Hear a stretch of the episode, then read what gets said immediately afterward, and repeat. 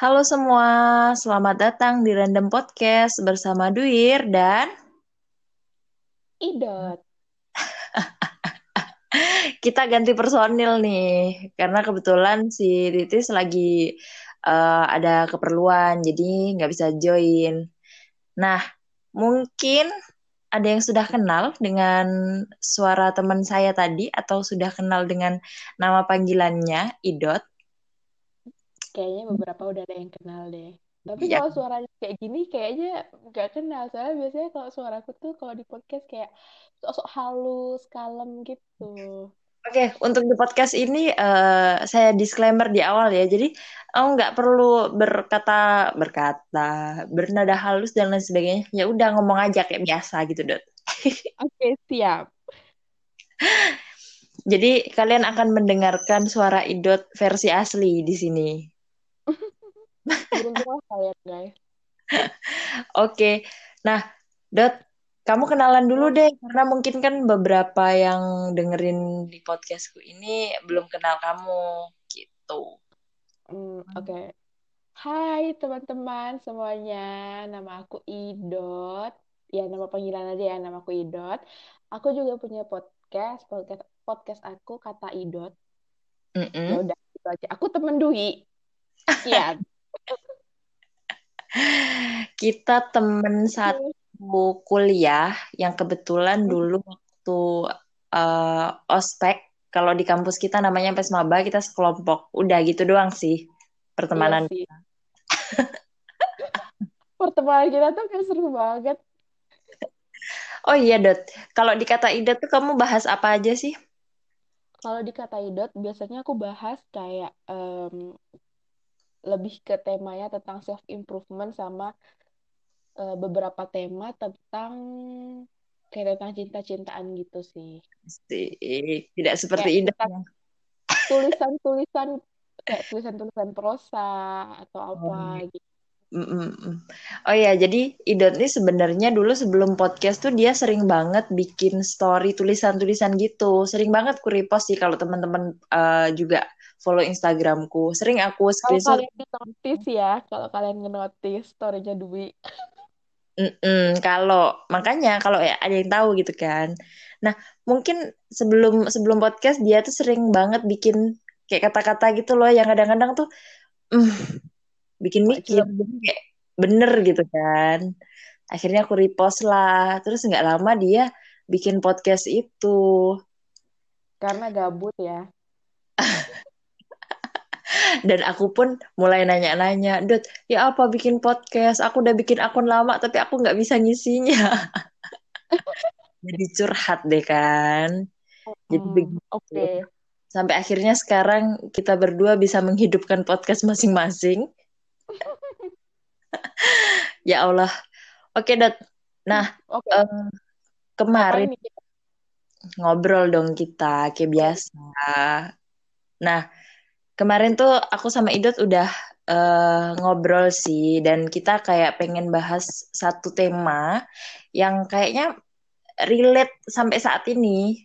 Maksudnya relate sampai saat ini masa buat diinget-inget terus dipikir terus akhirnya diketawain sendiri gitu. Apa iya, tuh? kalau diinget-inget kok kayak bodoh gitu pernah melakukan itu gitu kan. Kita mau bahas apa nih, Dot? Kita mau bahas tentang titik terendah. Soalnya kan setiap orang, aku mikirnya tuh setiap orang uh, pasti punya titik terendah di mana kayak ngerasa aku nih nggak ada apa-apanya. Kenapa kayak semua masalah tuh kayak seakan-akan tuh uh, datang dari berbagai macam arah gitu loh. Mm-mm, kayak nggak mampu, udah nggak mampu ngapa-ngapain gitu rasanya ya. Iya, iya dulu tuh mikirnya nggak nggak mampu ngapa-ngapain, terus eh ternyata ber, seiring berjalannya waktu ternyata mampu, terus setelah mampu kayak noleh lagi ke belakang, kok bodoh ya dulu sempat mikir nggak mampu gitu. Oke, siapa dulu nih? Mungkin kamu dulu mau nyeritain, mungkin salah satu yang bisa di-share karena mungkin uh, buat beberapa orang titik terendah mereka terlalu personal ya atau private mau di-share. Mungkin yang yang bisa kita share apa deh? Kamu dulu. Kalau aku sebenarnya banyak sih titik terendahku. Satu dong. Uh, tapi kalau yang baru-baru ini ya, um, aku kayak ngerasa uh, yang baru-baru ini tuh yang yang apa namanya yang terjadi itu waktu bulan Januari. Uh-huh. di mana ketika uh, ibu aku memutuskan untuk menikah lagi gitu. Mungkin kalau uh, ketika aku ngomong pada saat bulan Januari itu tuh apa ya kayak drama banget gitu loh. Nangis-nangis terus mikir kok kayak ngerasa dihianati sama orang yang paling disayang gitu loh. Hujan di Januari ya untuk Indot ya? Iya hujan di Januari. Tapi setelah uh, seiring berjalannya waktu ketika dilihat ke belakang kok drama banget ya? Dulu ih jijik banget gitu. Kalau diinget-inget. Januari ini kan ya berarti udah udah setengah tahunan. Eh iya tujuh iya, bulan iya. ya? Iya hmm. iya iya. Dan pada saat itu um, tidak banyak orang yang paham tentang tentang pemikiran aku gitu loh. Ya memang kan uh, ayah meninggal gitu. Hmm. ayah meninggal dan i, dan mami memutuskan untuk menikah lagi gitu. Uh, ada ada ada ada cerita sebenarnya di belakang itu yang uh, kayaknya nggak nggak etis aku aku aku aku aku ungkapkan di sini. Tapi intinya uh, aku sebagai anak kayak ngerasa uh, dikhianati gitu sama ibu sendiri. Mm-hmm. itu awalnya sih. Itu awalnya tanpa aku memikirkan bahwa ibu aku, uh, mami aku juga butuh pendamping di masa tua butuh seseorang untuk menemani secara kan ya kamu tahu sendiri kan terus aku orangnya gimana suka ya, ya. suka ke mana-mana gitu suka banget ngerantau yang otomatis di rumah itu nggak ada orang. Iya mami tinggal, tinggal sendirian. Kan uh, apa ya awalnya mikir kenapa sih uh, mami aku nggak bisa kuat nggak bisa strong? Toh ah, aku kayak membandingkan sama diri sendiri gitu loh. Toh aku selama ini sendirian aku masih bisa, kuat aja. gitu masih bisa kayak gitu. Dan ada beberapa orang yang uh, single apa single parent itu hmm. dia juga strong tanpa suami. Kenapa mami mami aku nggak bisa? Tanpa aku memikirkan ternyata kemampuan setiap tiap manusia orang. itu berbeda tiap orang itu berbeda gitu. Dan mungkin uh, mami aku berbeda dengan orang yang lainnya. Kayak waktu itu aku kayak kayak kayak kayak nggak bisa memahami gitu loh. Gitu. Mm -hmm. tapi iya setelah iya iya terus dipikir lagi waktu itu kalau aku menyetujui pernikahan mereka aku menge aku ngerasa aku tuh kalah aku tuh nggak menang. Tanpa berpikir uh, sebenarnya ketika aku menerima pernikahan mereka itu adalah proses pendewasaanku gitu Iya, berarti waktu pada momen itu kamu ngerasa kamu udah pertama tadi dikhianati, terus merasa kalah karena kamu merasa ini pertandingan antara dirimu dan mamimu gitu kan?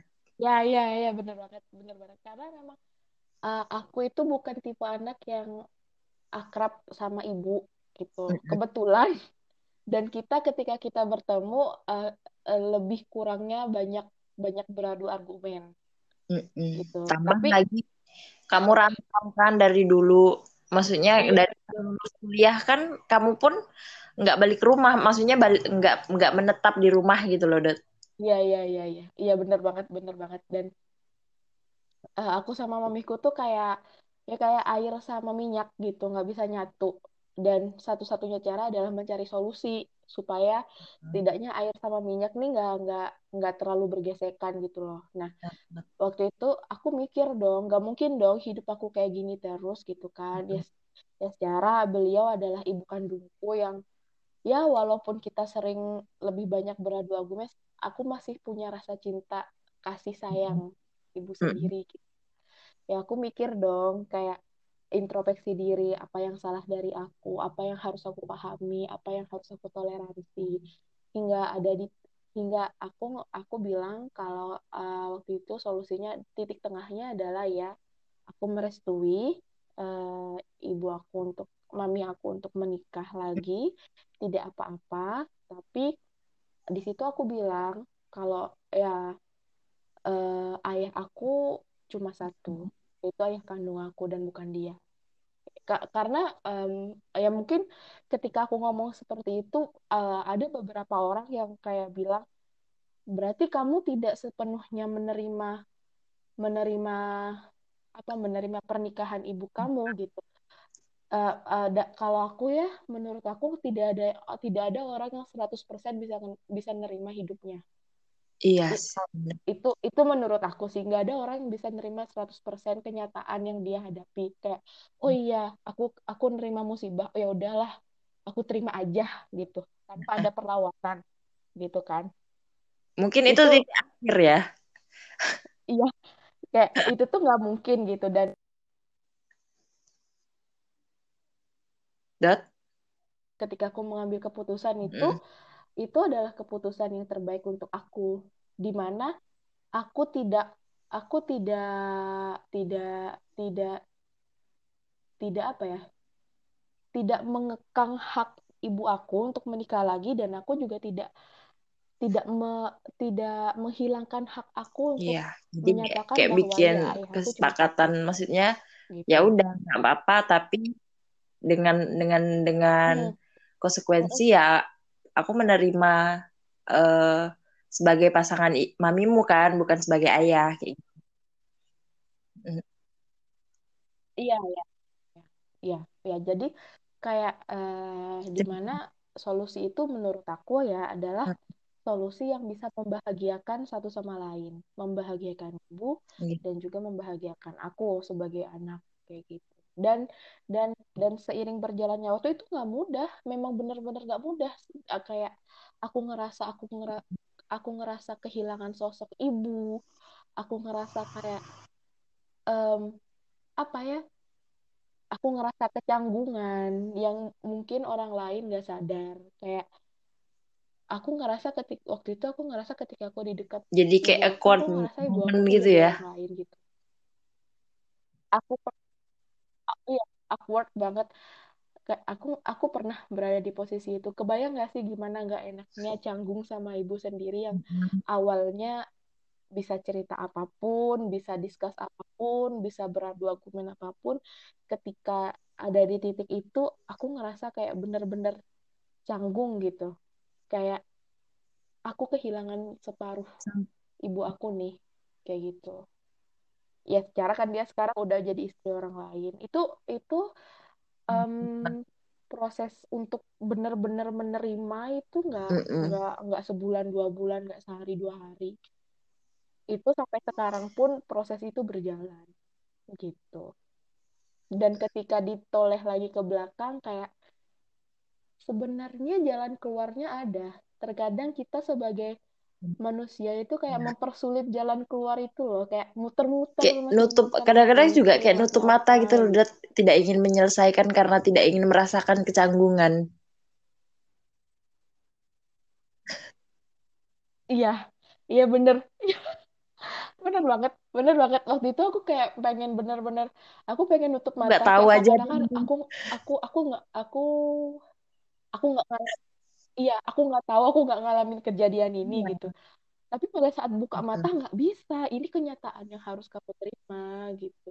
Dan ternyata uh, memang ya walaupun ini walaupun kayak ini tuh salah satu ungkapan yang klise di, di setiap musibah pasti ada pasti ada hikmahnya dan memang benar hikmahnya itu ada. Di mana kayak aku ngerasa jauh lebih dewasa aku ngerasa kayak jauh lebih bijaksana gitu.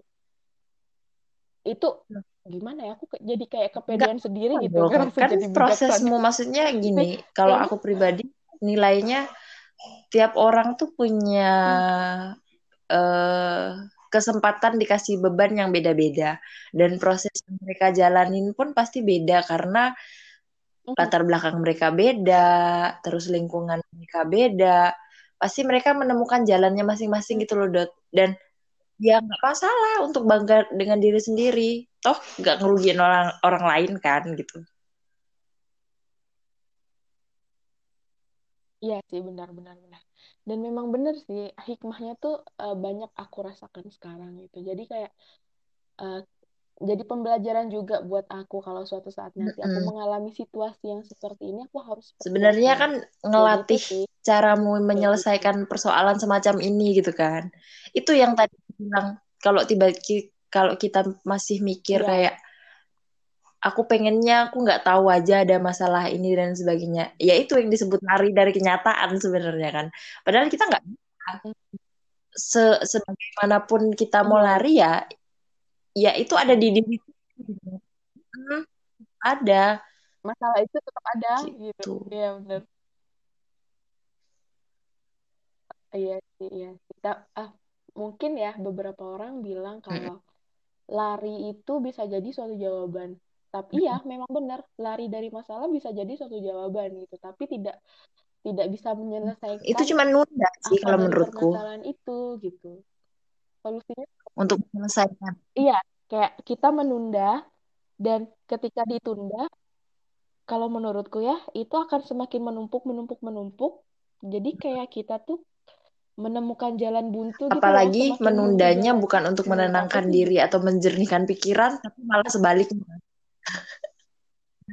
Ya iya benar benar banget benar banget. Kalau ditunda untuk menjernih ber, menjernihkan pikiran kayak introspeksi diri uh, mikir ini solusinya seperti apa ya itu mungkin itu tepat gitu. Itu tepat. Tapi kalau ketika lari dari masalah hanya untuk aku nggak mau ada permasalahan kayak menyangkal gitu loh itu malah semakin menurut aku ya hmm. itu akan semakin makanya sebenarnya kita kan dilatih dari dulu tuh uh, berkaca maksudnya refleksi diri supaya itu sih lebih cepat dalam proses kita menenangkan diri kita lebih ngerti diri sendiri sampai akhirnya kan kita sedikit demi sedikit memahami oh aku nih kalau dapat masalah kayak gini nih responku tuh bakal kayak gini atau ke depannya aku harusnya kayak gini gitu kan. Bahkan kita usia usia berapa hmm, nih dot? Kita ya, masih ya. masih proses mempelajari diri sendiri kan? Dan iya iya iya. Iya sih. Iya iya. Mm bener. Dan proses belajar itu nggak akan selesai sampai nanti kita sampai Bener. nanti kita meninggal menurut aku sih gitu ya udah kita belajar aja sampai mampus ya kan. Iya karena mati, eh tapi belajar, tiap orang beda beda ya. Maksudnya merasakan titik terendahnya itu bisa bisa secara emosion emosional bisa juga yang non emosional yang kita bahas yang emosional banget ngerasa yang kayak nggak mampu menjalani kehidupan ini dan lain sebagainya. Nah, kalau kamu udah mungkin kamu punya iya, uh, iya. cara jitu versimu maksudnya cara menemukan menemukan cara bagaimana kamu menenangkan diri atau uh, mencari jalan keluar pada akhirnya.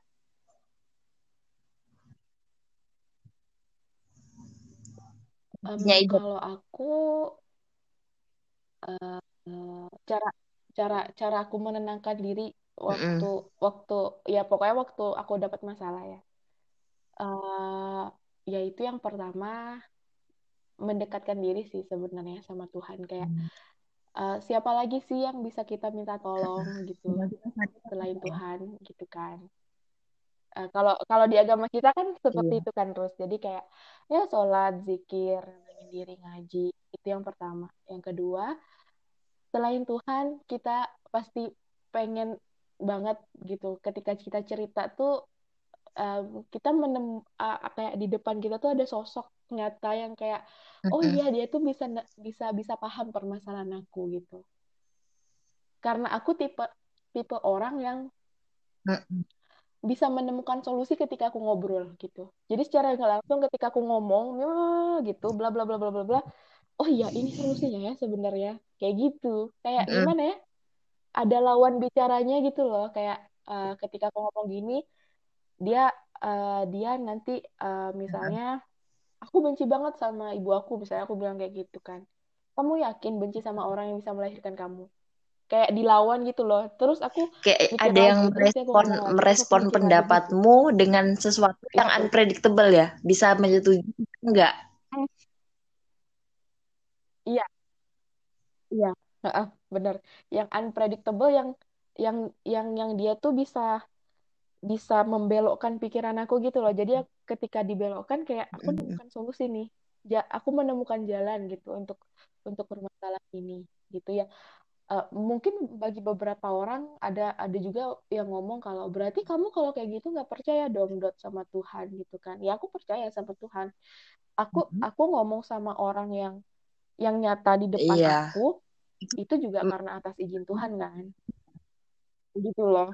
Jadi nggak aku tidak menghilangkan sosok Tuhan di situ. Aku hanya butuh sosok yang Uh, yang, kan, yang yang ada gitu ya. yang aku lihat gitu loh. Kalau Tuhan kan kalau hmm. kalau hubungan kita sama Tuhan kan itu lebih ke spiritual ya. Kayak uh, ya kita sama Tuhan gitu. Tapi kalau sama orang yang di depan kita yang bisa nerima kita ngomong apa kita kita kita cerita apa aja dan dia bisa ngerespon dengan respon yang menurut aku tidak disangka-sangka dan itu bisa menuntun aku ke jalan yang benar, ke solusi hmm. yang benar. Toh dia ya, juga nah itu yang aku butuhkan gitu. Toh juga Karena dia kan, kan sebagai media iya, juga yang pasti apa? dikirimin buat kita kan.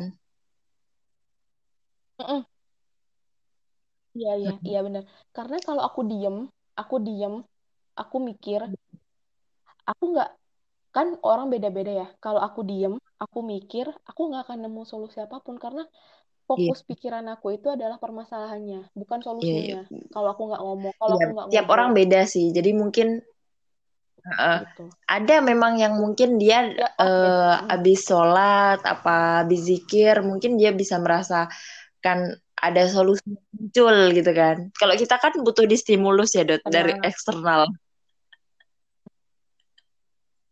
Iya. Kapasitas terbatas. Kita orangnya tidak peka. Jadi kita butuh jadi kita butuh sosok eksternal yang bisa menstimulus kita. Kalau aku sih gitu nggak tahu ya harus kalau kamu karena ada orang yang dengan diam tenang gitu dia bisa pikir dia bisa nemu solusinya. Kalau aku dengan aku ngobrol, dengan aku cerita dan orang tersebut iya. Uh, memberi timbal balik. Jadi kayak kesannya tuh konseling. Konseling diri sendiri. Kesannya tuh kayak konseling gitu, gitu. Kalau aku juga lebih suka gitu sih Dot, lebih suka ngobrol. Apa? Karena gini, karena uh, kita dapat sesuatu uh, sudut pandang yang nggak terduga-duga gitu loh. Itu yang aku suka. Iya, iya, iya karena Iya benar, karena ketika misal nih aku ngobrol sama kamu kan, apa apa yang dalam isi kepala kamu dan apa yang dalam isi kepala aku kan beda gitu. Nah, ketika aku menerima hal yang beda tersebut, aku kayak mikir lagi, oh iya ya, ada benarnya iya. juga apa kata Kecuali kalau gitu misalnya gitu. tipe-tipe orang cari pembenaran ya nyari yang se sepemikiran. Cuman kadang-kadang kalau yang nyari sepemikiran tuh aku kayak merasa hmm, tidak menemukan solusi karena aku udah tahu tidak menemukan... jawabannya gitu kan.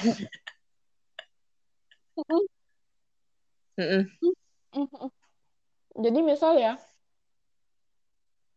uh, oh ya ini per perlu diketahui sih, sefrekuensi iya, dan sepemikiran kalau menurut aku tuh beda gitu. Mm -mm. Sepemikiran itu berarti pemikiran kita sama. Kalau sefrekuensi, uh, apa ya kayak, mm, apa ya nggak bisa dijelasin sefrekuensi itu kayak kecocokan gitu mm, kita cocok dengan pola pikir yang berbeda. Kayak gitu. Ya nggak sih? Kalau aku pak gimana cara ya. Rus? Uh, di kapasitas otakku yang minim ini aku pahamnya gini. Sefrekuensi sefrekuensi mm -hmm. itu lebih ke gimana kita akhirnya punya orientasi yang kurang lebih sama dan kita meneransi cara berpikir tiap orang gitu loh dan mm -hmm. jadi jadi kita nggak nutup nggak menutup diri dari pendapat orang lain. Mm. karena kadang-kadang ya, kalau misal dulu banget nih dulu banget aku inget banget. Aku kalau misalnya uh, kan aku biasanya maksudnya udah bisa ngira-ngira ya pendapat orang ini kayak gimana. Kalau orang sekiranya uh, kontra sama aku, aku nggak bakal nanya dia. Beda sama mungkin sekarang hmm. dan hmm.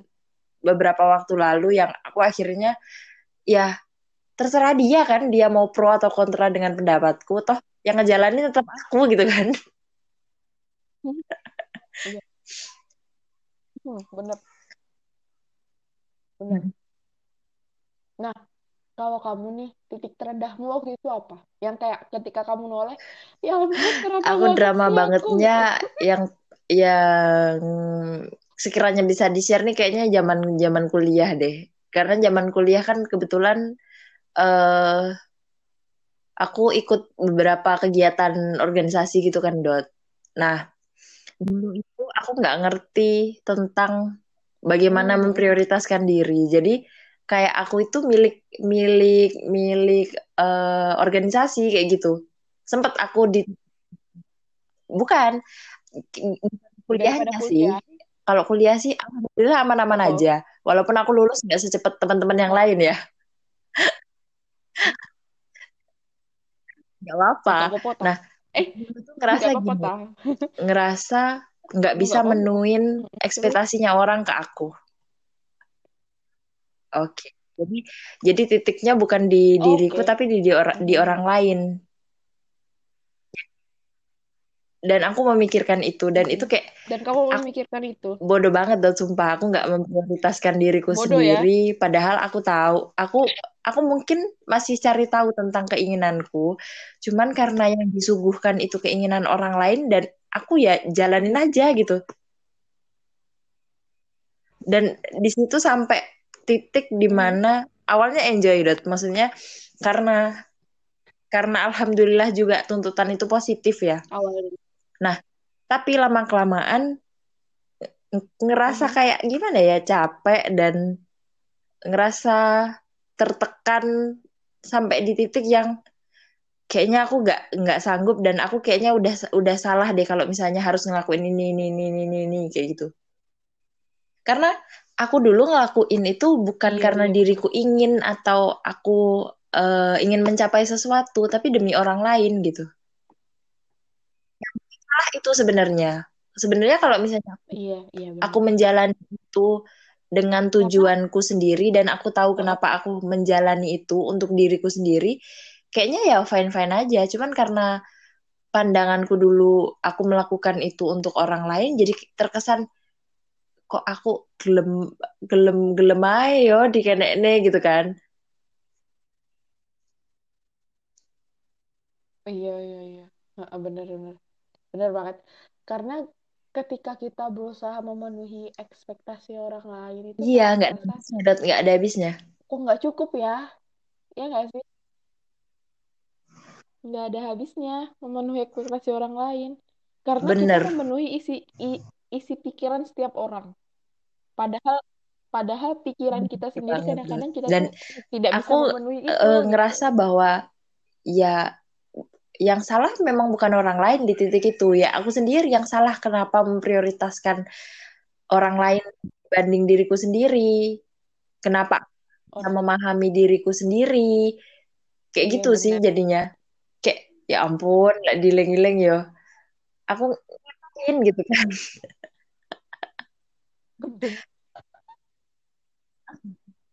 sampai ngerasa eh, kayak ya ampun aku kayaknya nggak nggak bisa ngelakuin ini. Aku harusnya gini. Tapi aku takut salah. Tapi aku aku dituntut kayak gini. Orang berharap aku hmm, nggak ada habisnya dot. Serius serius deh.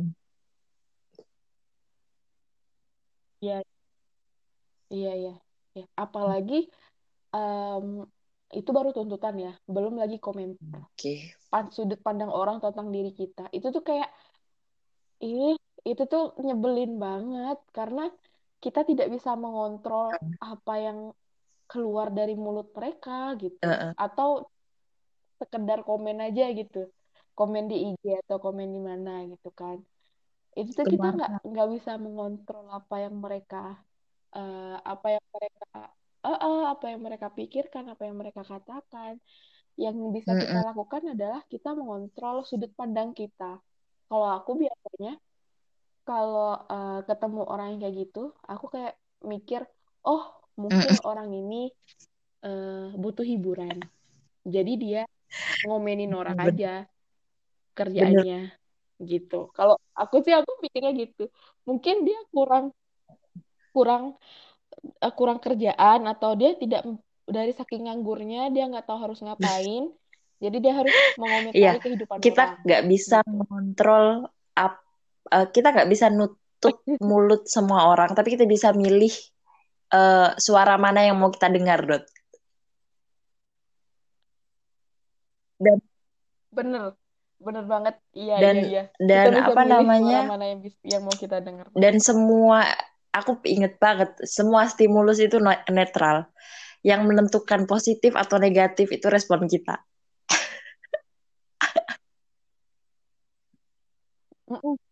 Respon kita, bagaimana kita merespon terhadap Bener. hal karena stimulus itu netral. stimulus tersebut. Serius. Mm -mm. Iya. Pengalaman sebenarnya yang bikin nggak netral kan mungkin pengalaman-pengalaman kita sebelumnya ketika ada orang yang ngomong kayak gitu, kita mengasosiasikan itu negatif atau positif gitu kan. Akhirnya ya membentuk respon kita. Iya, iya. Iya benar. Iya ya. Contoh contoh sederhananya aja ya. Eh, Dut, kok um, kamu makin gendut sih makin hari gitu kan?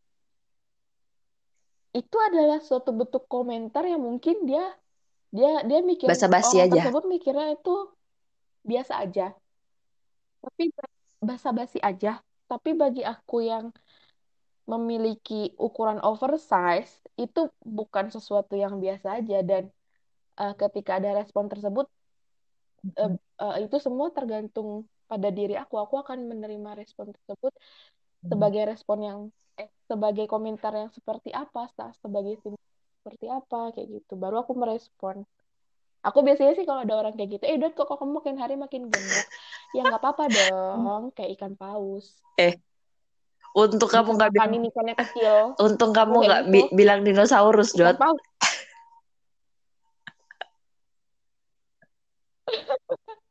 Makanya. Ngeri dong ibu, ikan paus Keinget Jurassic Park langsung.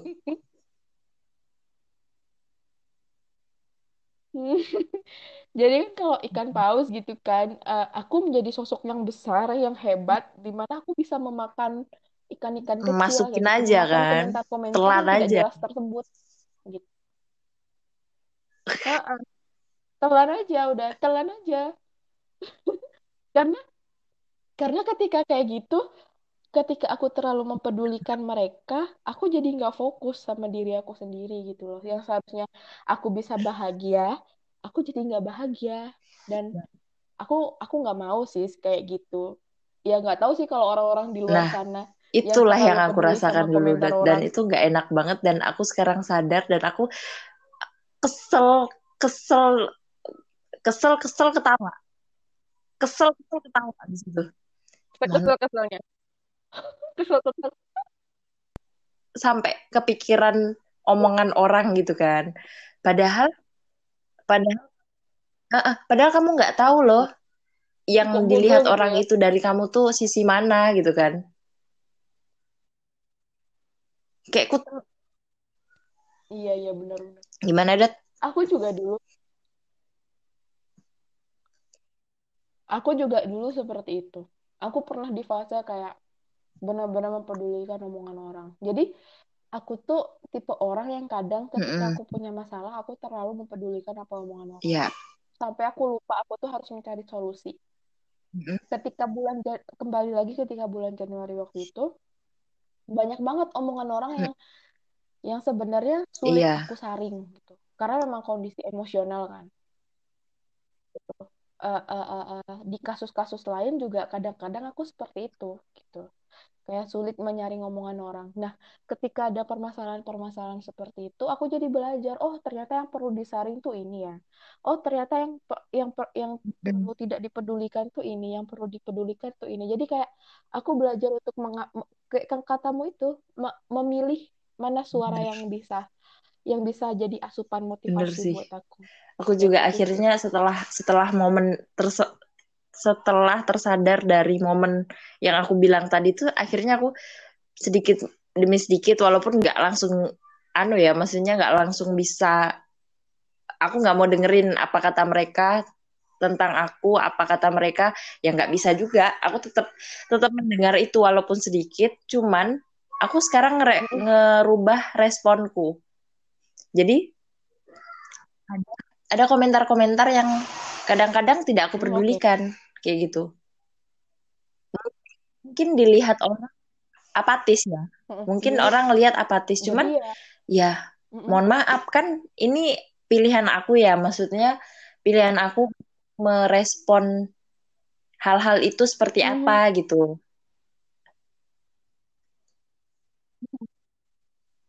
Iya.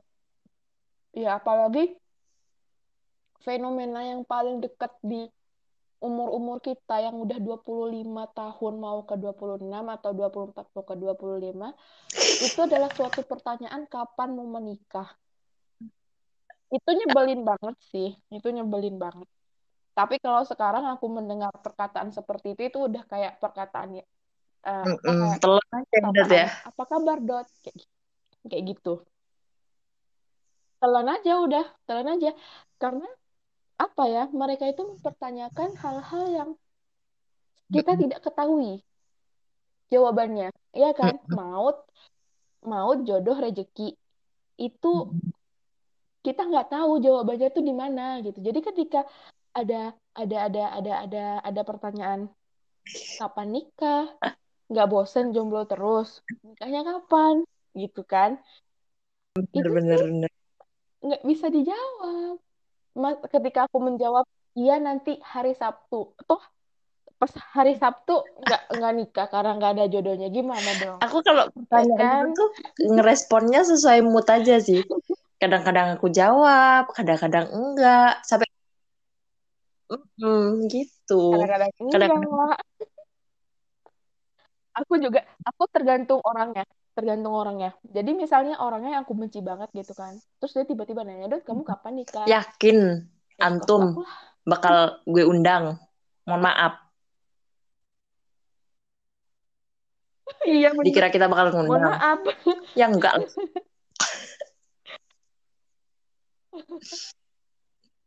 Tapi tapi ketika um, apa ya uh, sadar nggak sih ketika dulu pertama kita uh, menerima pertanyaan itu gitu kan? Kayak iya. kita tuh ngerasa setidak nyaman itu gitu loh. Dan ketika berproses selesai prosesnya gitu kita sudah merasa nyantai. Ketika kita noleh lagi kayak anjir pengen ketawa ngakak aku dulu lebih ke penasaran sih kenapa orang nanya ini tuh gitu loh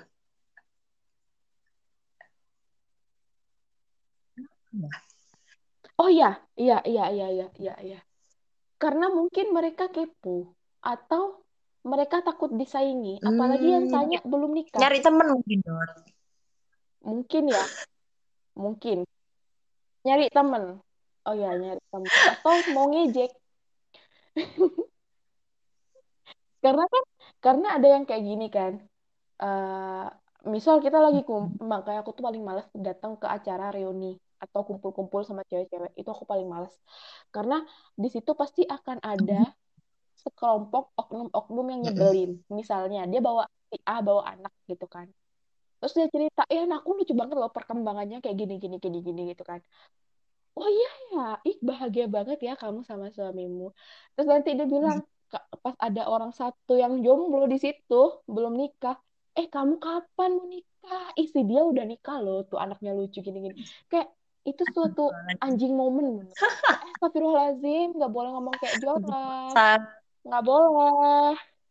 Itu kayak momen yang kamu yang yang iya, yang nyebelin betul. sih. Maksudnya? Karena kalau misalnya mau pamer kan? ya pamer momen -momen aja nggak usah basa-basi yang kayak uh, menyakiti orang lain gitu kan Kalau mau pamer, pamer aja. Iya, aku iya. sama suamiku bahagia Bener banget, Dot. Gila deh. Kita kemarin habis beli ini. Gak usah. Iya, gak usah pakai nanya, lu kapan Dot mau merit gitu kan. Kayak gak ada kerjaan aja gitu. Nanya-nanya. Aneh-aneh aja orang-orang ya kan. Apalagi dengan tipe-tipe apa maksudmu cewek yang kayak kita gitu nah harus nggak usah dong perlu aku biarkan menjadi rahasia kita berdua biarkan laki-laki laki-laki di sana pada penasaran kita ini perempuan seperti apa. Sumpah. Jijik banget ya Allah. Ya Allah. Oke. Okay. Nah, uh, poin terakhir nih Dot yang pengen pengen aku perdengarkan ke teman-teman yang lain. Nah, pesanmu nih kalau misalnya ada yang dengerin kita dan mereka okay. sedang merasa berada di titik ini, di titik terendah mereka. Kamu mau pesan apa? Jadi keren. Uh, pesan pesan aku sih untuk orang-orang yang lagi mengalami titik terendah gitu. Mm-hmm. Ya, nggak apa-apa. Memang itu sudah menjadi salah satu jalan hidup kami titik terendah. Dan titik terendah itu nggak cuma satu kali ya terjadi. Bisa jadi berkali-kali gitu.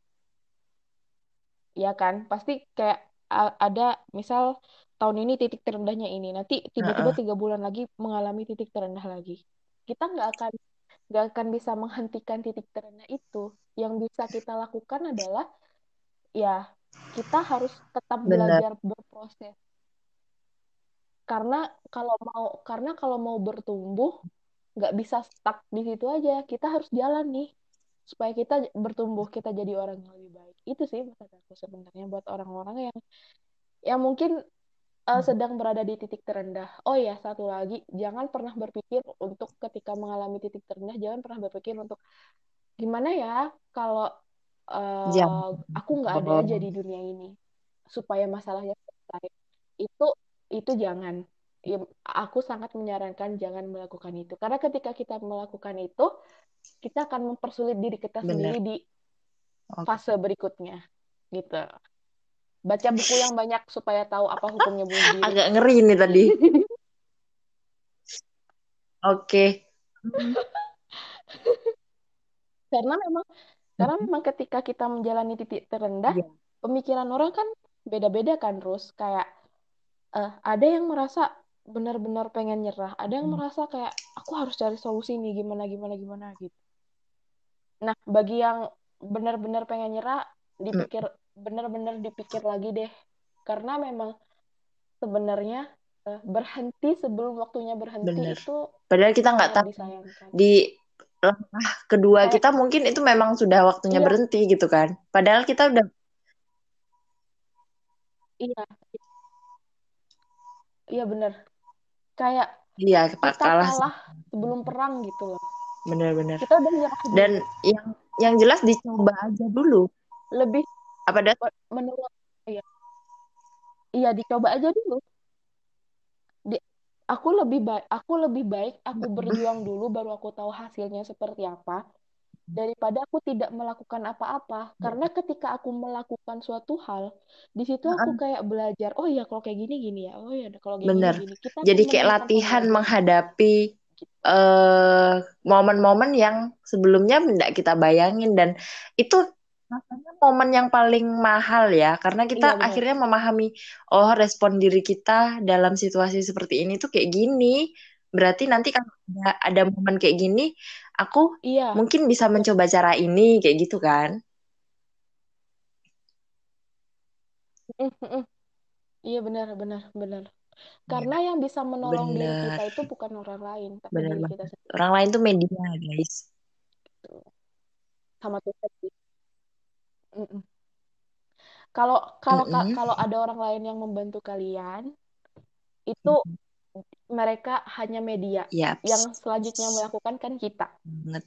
Ikan gitu. Semangat. Gitu sih teman-teman. Apalagi semangat. kita belajar apalagi kita pas belajar di psikologi kita tahu ya Dot maksudnya ketika konseling pun ya tugasnya konselor itu bukan memberikan solusi tapi mengarahkan kan? Maksudnya kita bukan bukan ngasih solusi tapi hmm, biarkan eh uh, apa aku aku mau ngomong subjek loh ini. Apa klien klien klien. Sering klien klien membiarkan klien kayaknya. subjek. Biarkan ya, klien itu menemukan jalannya sendiri karena prosesnya mungkin beda gitu. Eh gila ada ini ini udah udah iya, lama banget sumpah ini kalau nggak aku stop nih hmm hmm iya iya kita bisa berlanjut dua jam, tiga jam. Mungkin so, ini karena ini uh, podcast pertama kita, jadi luar biasa ya, antusias banget. Mungkin kita bisa agendakan. Antusias iya. kita. Yang penting antusias mendengar kita. Yang penting kita dulu aja. Orang lain mah pikir mereka aja ya mikir. Semoga nanti Semoga Amin. Oke, okay. ya. Dot, makasih banyak ya udah mau join di, podcast random. Sayang banget Titis nggak okay. bisa join. Mungkin next time kita bisa bikin ya. Gitu. Iya, Oke, okay, buat Mm -mm. Titis mungkin bisa follow-followan dulu di Instagram DM-DM-an gitu kan. Ya ampun. Oke, okay. Dot, makasih banyak sekali lagi yang mohon maaf kalau okay. ada Sama-sama. salah kata salah perbuatan ini cuma di podcast saja aku minta maaf kalau aslinya enggak iya. ini formalitas ya teman-teman tolong oke okay, makasih juga buat semua yang dengerin kalau misalnya ada yeah. yang mau sharing ya nggak apa-apa silahkan di Instagram Idat apa dat bagi dong idot idot titik k oh atau kalau ada yang lagi uh, ngerasain titik terendah dan butuh tempat cerita, aku bersedia. Jadi kalian bisa uh, eh, DM ke Instagram aku @idot.k Oke, okay. nanti akan aku tuliskan di description box teman-teman. Asik. Terima okay, kasih teman banyak sudah mendengarkan. Semoga semoga okay, terhibur dengan kecerutakan kita. Semoga ada manfaat yang bisa diambil juga dari obrolan kita. Oke? Okay? Oke, okay, Sampai ketemu di podcast-podcast berikutnya ya. Siapa tahu kita bisa join bareng lagi. Amin. Oke, terima kasih semua okay. yang sudah mendengarkan. Sampai ketemu di episode selanjutnya. Dah. Dadah. Dah.